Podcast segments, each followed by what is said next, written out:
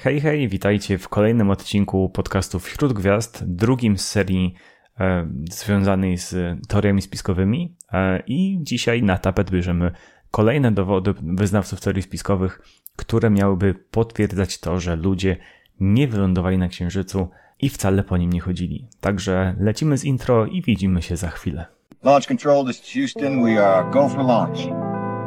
Three, two, one. Liftoff. We have a liftoff. Capcom, we're go for landing. Tranquility Base here. The Eagle has landed. Zacznijmy od przypomnienia sobie, co w ogóle wydarzyło się w świecie lotów kosmicznych, eksploracji kosmosu i wszystkim, co jest z tym związane. 2 listopada swoje 23 urodziny obchodziła Międzynarodowa Stacja Kosmiczna, co jednocześnie oznacza 23 lata nieprzerwanej, ciągłej obecności człowieka na orbicie okołoziemskiej. W tym czasie stację odwiedziło ponad 270 osób, a sama stacja wykonała ponad 140 tysięcy obrotów dookoła Ziemi. Obecność człowieka na orbicie pozwoliła nam na e, przeprowadzenie eksperymentów i badań, które w warunkach ziemskich, gdzie jest normalna grawitacja, nie byłoby to możliwe, e, więc e, przyczyniła się ona bardzo mocno do rozwoju nauki i technologii. No ale niestety nic nie jest wieczne. Tak samo i tak samo to się tyczy naszej stacji, której deorbitacja już bez astronautów została zaplanowana, zaplanowana na 2031 rok, chyba że prywatne stacje nie będą w stanie przyjąć jej obecnej funkcji, e, no to wtedy będzie odpowiednio ten okres wydłużony. Jednak w 2031 roku prawdopodobnie będziemy patrzeć na deorbitację stacji kosmicznej i zatopienie jej gdzieś tam w głębinach Oceanu Pacyficznego. Spokojnego, inaczej też mówiąc. Na 17 listopada zaplanowany jest drugi lot testowy rakiety Starship, czyli najmłodszego dziecka firmy SpaceX. Pierwszy lot, który miał miejsce w kwietniu, nie był do końca udany pod kątem e, tego, co by sobie życzyła Federalna Agencja Awioniki, która wydaje pozwolenia na takie starty. E, rakieta nie dość, że wybuchła w locie mm, z powodów błędów w oprogramowaniu, mechanice czy tam czymś tam. I dodatkowo jeszcze też e, spowodowała ogromne zniszczenie naokoło platformy startowej, ponieważ ona nie była w stanie wytrzymać potęgi silników, które działały podczas startu. Więc właśnie ta federalna agencja razem ze SpaceXem i razem z inną agencją, która odpowiada za mm, ochronę środowiska, wszczęły bardzo dokładne i bardzo długie śledztwo mające na celu zdiagnozowanie najbardziej mm, poważnych problemów, naprawienie ich, ponowne e, sprawdzenie, czy na pewno wszystkie zmiany, które są wymagane, zostały wprowadzone. E, I czekamy w zasadzie teraz na ostatnie decyzje, ostatnie podpisy i zgody. E, z tego, co się orientuję, ma być zgoda na razie tylko na ten jeden start. Zobaczymy, jak to wszystko będzie wyglądało po tym starcie, i wtedy dopiero FAA, czyli właśnie ta Federalna Agencja Wyniki, mm, będzie decydowała, czy będzie zgoda na wielokrotną, na większą ilość startów, na wielokrotne starty, czy, czy będzie znowu trzeba jakieś tam poprawki wprowadzać. Zachęcam do śledzenia mojego Instagrama, gdzie na bieżąco będę wrzucał informacje związane z tym tematem um, oraz z tym testem, a także zachęcam do oglądania e, transmisji z tego testu, jak będą dostępne na platformach streamingowych. Po około 50 latach od zakończenia misji Apollo 17 e, naukowcy stwierdzili, że z chęcią sobie zajrzą jeszcze raz w w próbki skał księżycowych, które ta misja ze sobą przywiozła.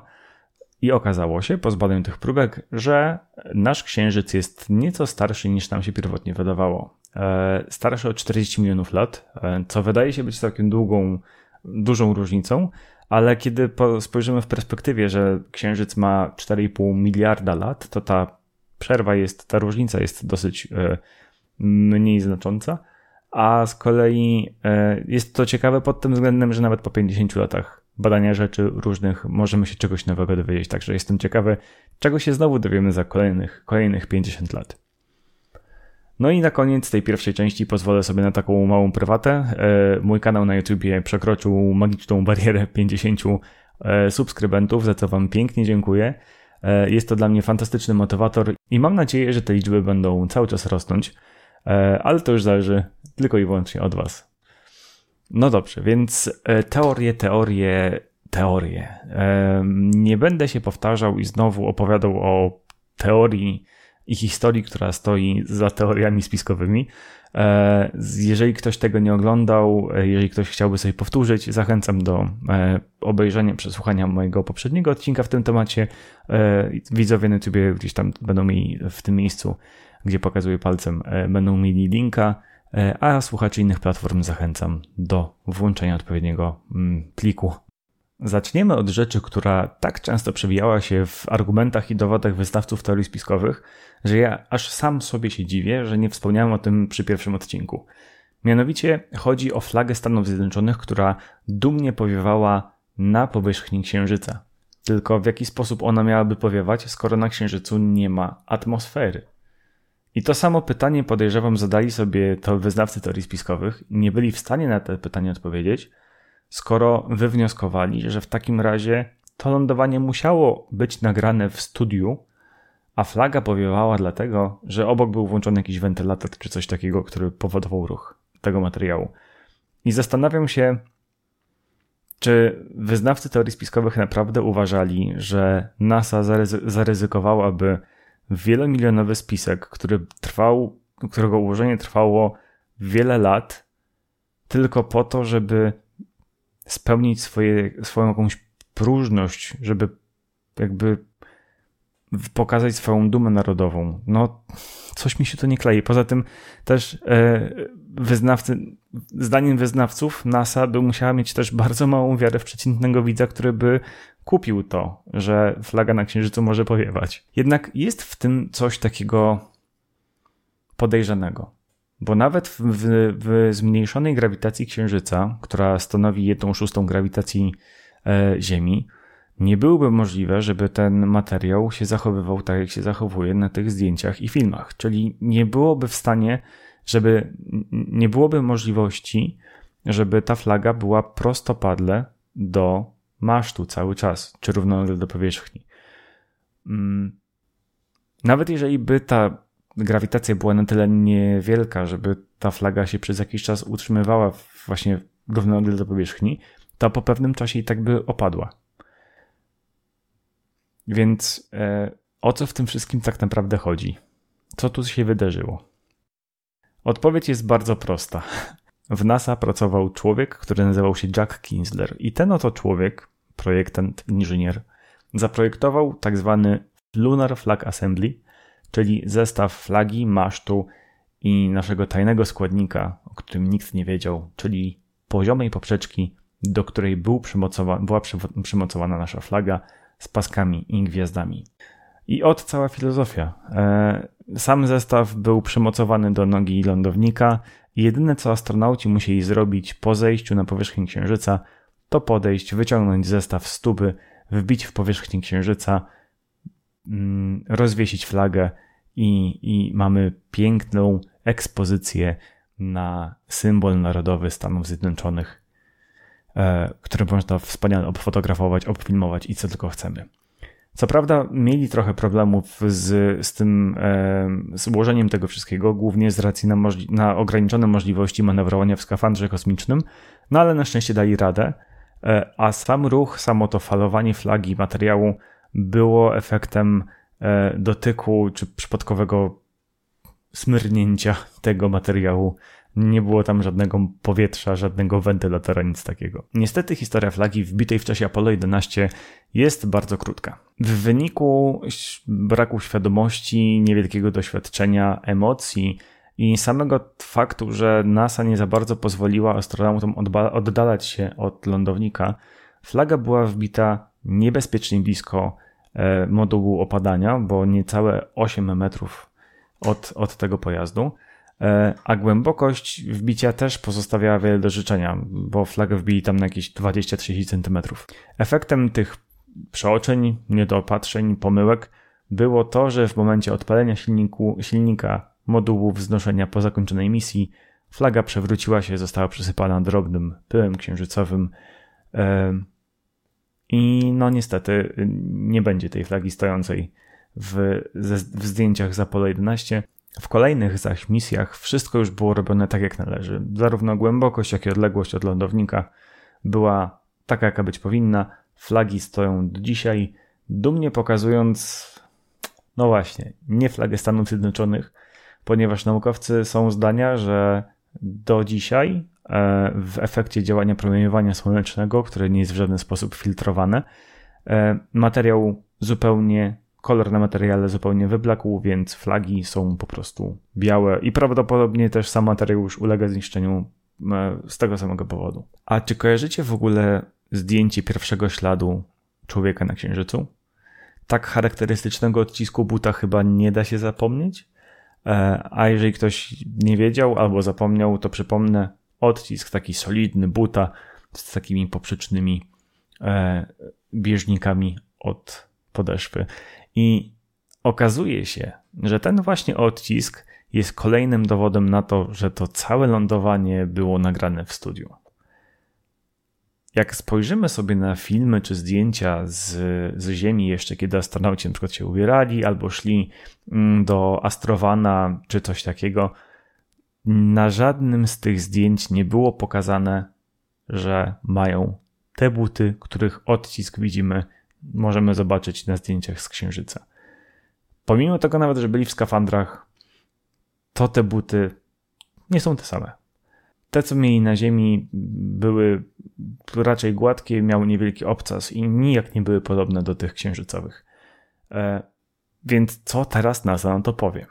Odpowiedź na to pytanie będzie nieco dłuższa, bo chciałbym się nieco pochylić nad tym tematem i skupić w ogóle na problemie, jaki stanął przed projektantami i inżynierami, którzy zajmowali się e, stworzeniem skafandra do aktywności księżycowych. Oto musieli oni zaprojektować E, buty na nieznany zupełnie grunt, które będą w stanie wytrzymać temperatury sięgające 120-140 stopni Celsjusza. Bo tak jak powiedziałem wcześniej, na Księżycu faktycznie nie ma atmosfery, ale mimo wszystko każdy pojedynczy element, na który pada słońce, na który padają promienie słoneczne, mimo wszystko się nagrzewa, więc tak samo powierzchnia Księżyca też osiąga te dosyć wysokie temperatury. Ponadto te buty też muszą zapewnić wystarczającą przyczepność E, bo nie wiemy, tak jak powiedziałem, to jest nieznany grunt, więc nie wiemy, czy będzie płytki, śliski, czy może głęboki, taki grząski. Te laczki, które astronauci mieli na sobie w dniu startu, były dobre tylko i wyłącznie na warunki ziemskie. Zapewniały odpowiednią elastyczność i swobodę w poruszaniu się, e, czy na przykład wchodzeniu do rakiety. Do rakiety. Kiedy przyszedł czas do wyjścia na powierzchnię Księżyca, selenonauci zakładali specjalne, takie trochę nakładki butowe na to, co mieli pod skafandrem. Te buty to buty składające się z 21 warstw różnego materiału. Od filcu i silikonu przez teflon i nylon, kończąc na e, wzbogaconych chromem włóknach ze stali nierdzewnej, gdzie metr bieżący takiego materiału kosztuje 20 tysięcy współczesnych dolarów Mm, więc ten materiał był bardzo drogi i projektanci starali się używać go bardzo, bardzo rozważnie. I wiecie co? Dobrze, że użyli tego konkretnego materiału. I wiemy to dzięki Eugene'owi Cardanowi. To jest postać, którą możecie kojarzyć z filmu e, z odcinka o Apollo 10, ponieważ on był tam dowódcą tego, tej misji i był również dowódcą Apollo 17. I on stwierdził, jako jedyny ze wszystkich księżycowych misji, ze wszystkich sześciu księżycowych misji, stwierdził, że nie będzie zostawiał tych butów na powierzchni księżyca, a zabierze je ze sobą do, na Ziemię. Wcześniejsze misje zostawiały te buty, dlatego że robiły więcej miejsca na skały księżycowe. To pozwoliło zbadać, jaki wpływ na buty miał bardzo agresywny pył księżycowy zwany regolitem. Bardzo drobny materiał skalny o niezwykle ostrych krawędziach, bo w końcu brak atmosfery na Księżycu i brak mm, ruchu jakichkolwiek mas, czy to powietrznych, czy wodnych, nie, nie uniemożliwił mm, proces, uniemożliwił proces erozji, która by pozwoliła na stępienie tych krawędzi poprzez tarcie między tymi elementami pyłu księżycowego. Po zbadaniu warstw ty w tych butach okazało się, że pył księżycowy dotarł niemalże przez wszystkie 21 warstw, docierając niemalże do stóp astronautów, wgryzając się w ogóle w te wzbogacone chromem włókna ze stali nierdzewnej. E, więc to jest niesamowite, jak agresywny jest ten pył księżycowy i E, był ogólnie dosyć dużym problemem dla astronautów w czasie misji księżycowych, bo wchodził wszędzie. Także bardzo mocno, bardzo długo odpowiadając, to właśnie by nas odpowiedziało na pytanie, co ona na to powie. Odciski się różnią, dlatego że to są po prostu dwa różne zestawy butów. Koniec tematu, dziękuję bardzo. Jeżeli w ogóle chodzi o misje księżycowe, to warto wspomnieć o takiej e, niedogodności, nieścisłości, którą znaleźli wyznawcy teorii spiskowych. Mianowicie e, trzy misje księżycowe, Apollo 15, 16 i 17, miały e, ze sobą na pokładzie mm, łazik księżycowy, który e, zdaniem mm, wyznawców teorii spiskowych nie wyrzucał spod kół pyłu w taki sposób, w jaki oni by oczekiwali, że ten pył by się zachowywał w warunkach księżycowych. Że bardzo mocno się zachowywał jak piach na ziemi, że nie zostawał dłużej w powietrzu i tak dalej, i tak dalej. Jest to nieco dziwny, e, dziwny argument, dziwny dowód, bo po pierwsze, części tego pyłu nie widzieliśmy ze względu na jakość kamer, jaką astronauci mieli. Jasne, oni mieli bardzo dobrej jakości te kamery, ale wciąż to nie był doskonały sprzęt. E, pył księżycowy jest bardzo drobny, więc podejrzewam, że nawet współczesne kamery by nie były w stanie go wyłapać. A samo zachowanie, sama fizyka tego pyłu, moim zdaniem jest ok. to znaczy, wiadomo, że nie, nie, nie będę obalał e, teorii spiskowej na podstawie mojego widzimisię czy coś. E, ten pył księżycowy zachowywał się tak, jak się powinien był zachowywać, bo on jakby wielkość tych drobinek odpowiadała w taki sposób, w jaki powinna odpowiadać w tej grawitacji. I to, że wyznawcom teorii spiskowych wydaje się, że to tak nie powinno działać, wcale nie oznacza, że, że, że, że to musi tak działać. Przed wyznawcami teorii spiskowych stanęło nie lada wyzwanie, bo każdy ich argument jest na razie bardzo dobrze tłumaczony, ma solidne podstawy e, i są dowody na obalenie tej teorii. Więc musieli znaleźć bardziej przekonujące dowody na to, że to całe lądowanie było nagrane w studiu. Więc no mieliśmy już właśnie powiewającą flagę, zmianę butów e, na, na, na bardziej sceniczne, e, ale na filmach z powierzchni Księżyca astronauci nie zachowywali się do końca jak na Ziemi. Ich kroki były dużo dłuższe, skoki dużo wyższe, więc gdyby.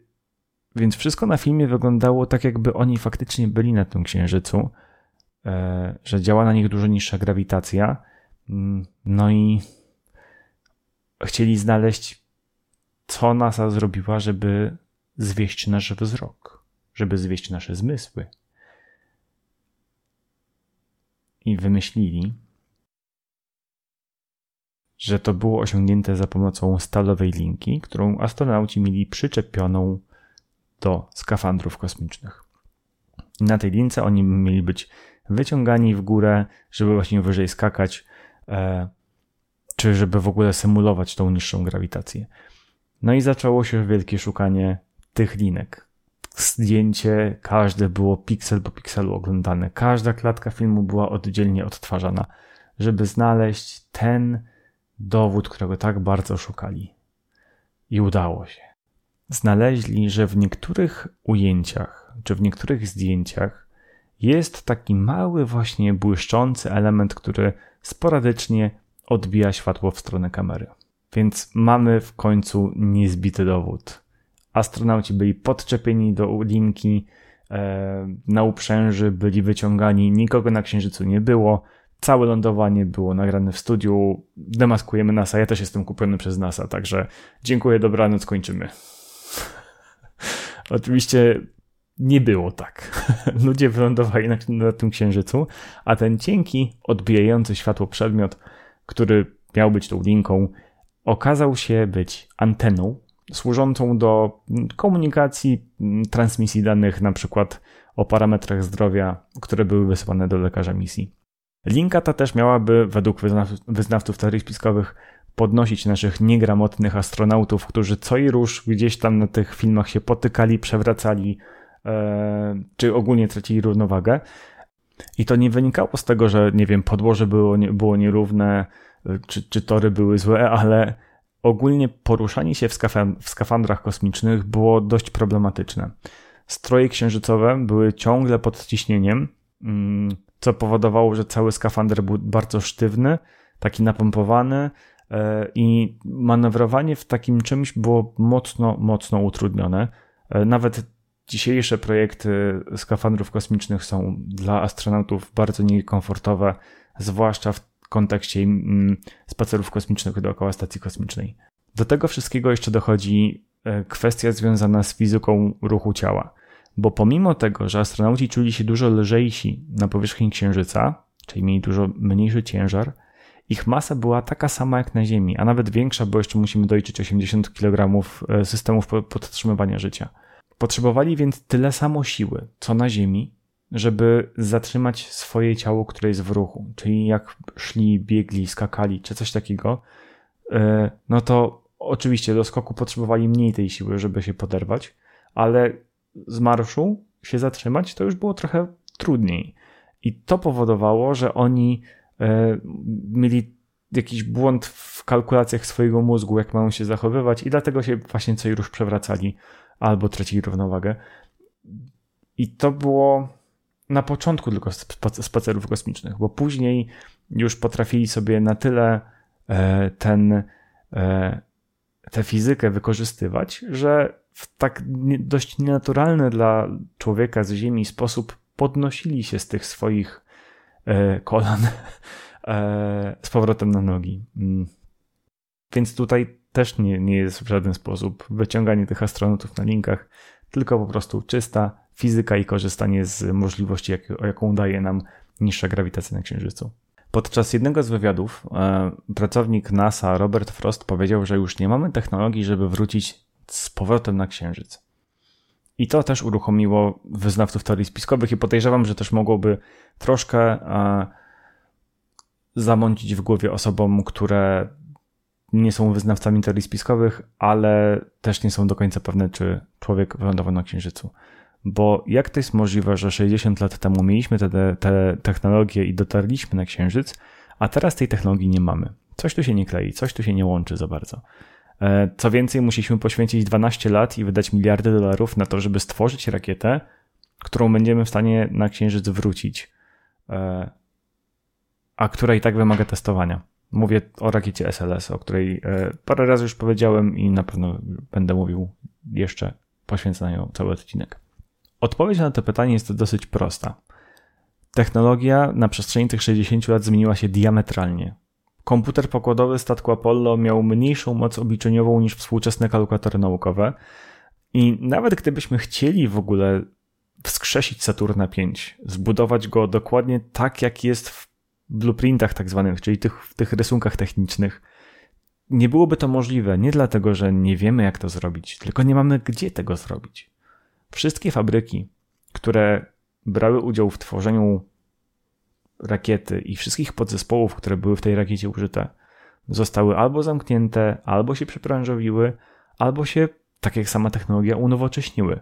Przeszły jakąś tam transformację, budują inne rzeczy i w tym momencie nie miałyby nawet podzespołów, części do tego, żeby stworzyć rakietę zgodnie z planami, które zostały certyfikowane i tak. Dlatego obecna rakieta SLS potrzebuje przejść taki sam proces certyfikacji, testów i weryfikacji, jaka była przy okazji programu Apollo, z tą różnicą, że obecna NASA dostaje chyba jedną szóstą czy jedną dziesiątą funduszy, którą dostawała NASA w latach 60.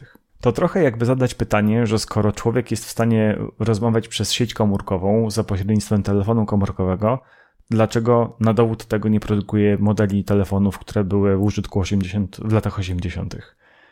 E, po pierwsze, to by było bez sensu. Moglibyśmy to zrobić, ale z wykorzystaniem obecnych technologii możemy osiągnąć więcej, zrobić więcej. Jakby napakować do tego telefonu więcej funkcjonalności, funkcjonalności, o których wtedy nawet by człowiek nie pomyślał, że można by było mieć. I dokładnie to samo tyczy się rakiet, budowy rakiet i wszystkiego, co jest z tym związanego. I wystarczy też spojrzeć na różnice, jakie są między wyglądem kapsuły y, w programie Apollo, a kapsuły, dajmy na to, y, Dragon firmy SpaceX. Kapsuła Apollo miała mnóstwo analogowych przełączników, zegarów, y, a kapsuła Dragon ma trzy duże dotykowe wyświetlacze, gdzie y, masa, ogromna ilość procesów, systemów i ogólnie sterowania jest zautomatyzowana.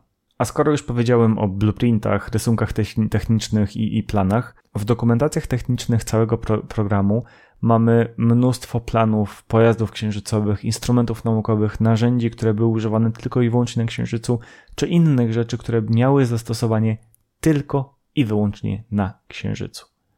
Rozumiem, że NASA chciała być bardzo dokładna w, jakby w, w organizowaniu swojego spisku, ale poświęcać dziesiątki, e, może nie tysięcy, ale może i dziesiątki tysięcy, zaryzykujmy to stwierdzenie, i opłacić grafików i inżynierów, którzy by się zajmowali tymi planami, rzeczy, które by nigdy nie zostały zbudowane, no to to jest ogromne marnotrawienie pieniędzy.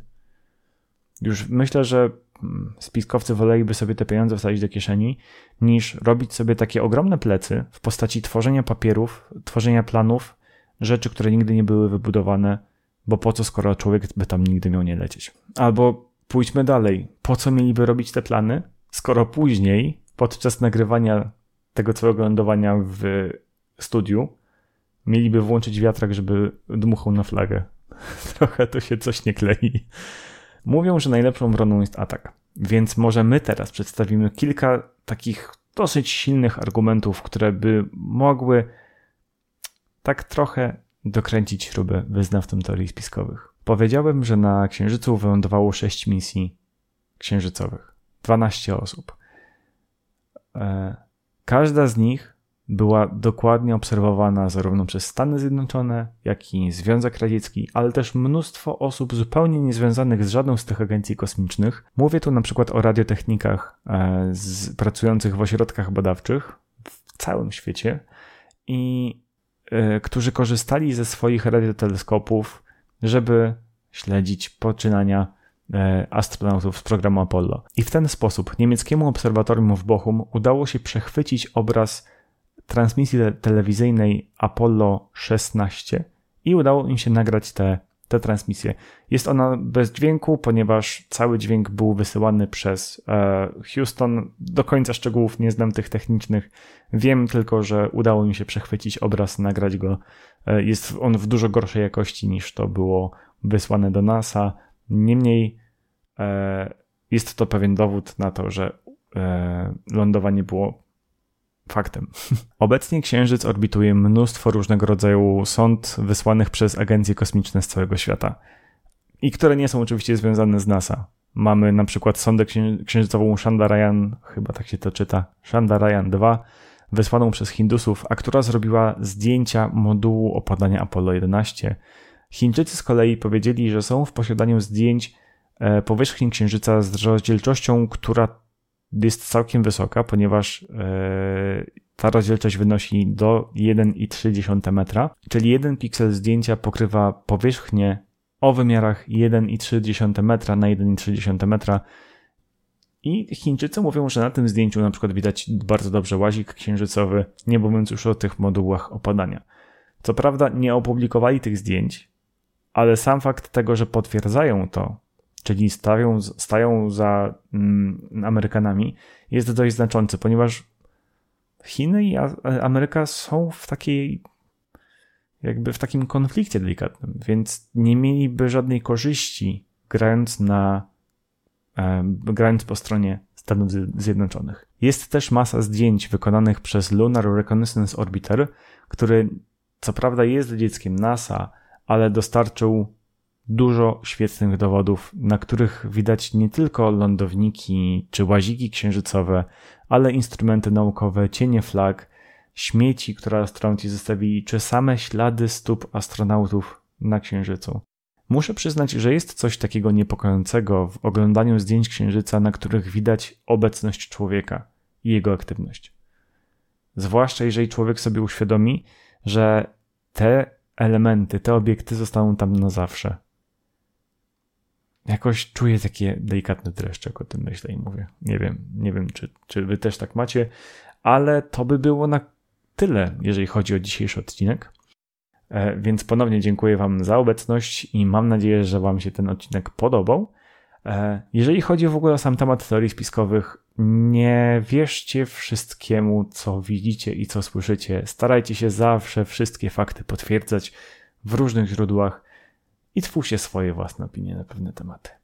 Ponownie zachęcam Was do subskrybowania mojego kanału, zwłaszcza, że według statystyk YouTube'a zdecydowana większość widzów, Was, e, to osoby bez subskrypcji. Dla Was to jest niewiele, to jest zaledwie jedno czy dwa kliknięcia, a dla mnie to jest sposób na rozwój kanału i tak jak powiedziałem na początku, też sposób na motywację.